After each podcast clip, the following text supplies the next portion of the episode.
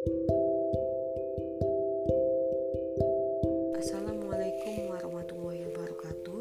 Perkenalkan nama saya Warjina Asia. Saya adalah salah satu peserta Latsar CPNS Angkatan 17 kelompok 2 dari Kabupaten Asahan. Kali ini saya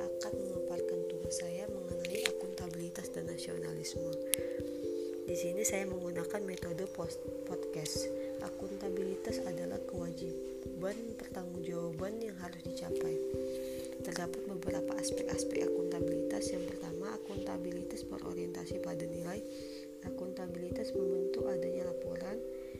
Akuntabilitas membutuhkan konsekuensi dan akuntabilitas memperbaiki kinerja.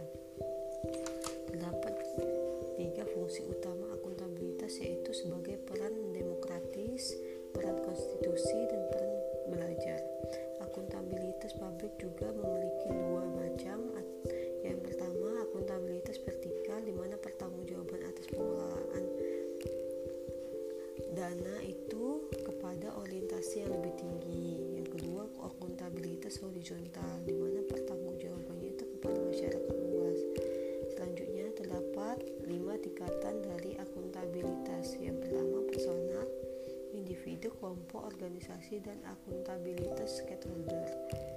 Selanjutnya, terdapat alat yang digunakan dalam birokrasi akuntabilitas di Indonesia. Ada tiga, yaitu perencanaan strategi, kontrak kinerja, yang ketiga laporan kinerja. Ada juga prinsip lingkungan kerja yang akuntabel, akuntabel yaitu yang pertama kepemimpinan, yang kedua transparansi, yang ketiga integritas, keempat tanggung jawab, kelima keadilan, keenam kepercayaan, ketujuh keseimbangan. Dan delapan kejelasan. Dan kesembilan konsistensi.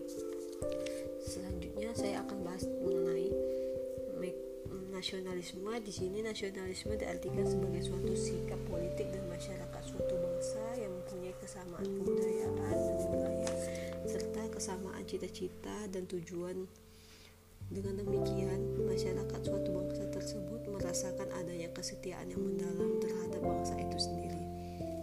Terdapat beberapa empat prinsip nasionalisme. Yang pertama hasrat untuk mencapai kesatuan hasrat untuk mencapai kemerdekaan hasrat untuk mencapai ke keaslian dan hasrat untuk mencapai kehormatan. Sebagai ASN nilai-nilai nasionalisme Pancasila itu terdapat dalam sila nasionalisme itu juga ada namanya wawasan kebangsaan. Wawasan kebangsaan itu adalah sudut pandang seseorang atau kelompok orang untuk memahami keadaan jati dirinya sebagai suatu bangsa juga dalam memandang dirinya dirinya dan bertingkah laku sesuai dengan falsafah hidup bangsa baik itu dalam lingkungan internal maupun eksternal. Di dalam wawasan kebangsaan terdapat terdapat juga nilai wawasan kebangsaan. Yang pertama itu penghargaan terhadap harkat dan martabat sebagai makhluk Tuhan yang Maha Kuasa. Yang kedua, tekad bersama untuk kehidupan yang bebas, merdeka, dan bersatu. Yang ketiga, cinta tanah air dan bangsa. Yang keempat, demokrasi dan kedaulatan rakyat. Yang kelima, kesetia kawanan sosial. Yang keenam, masyarakat adil dan makmur. ASN eh, sebagai pelayanan publik memiliki moto yaitu melayani dengan amanah, memberikan yang terbaik.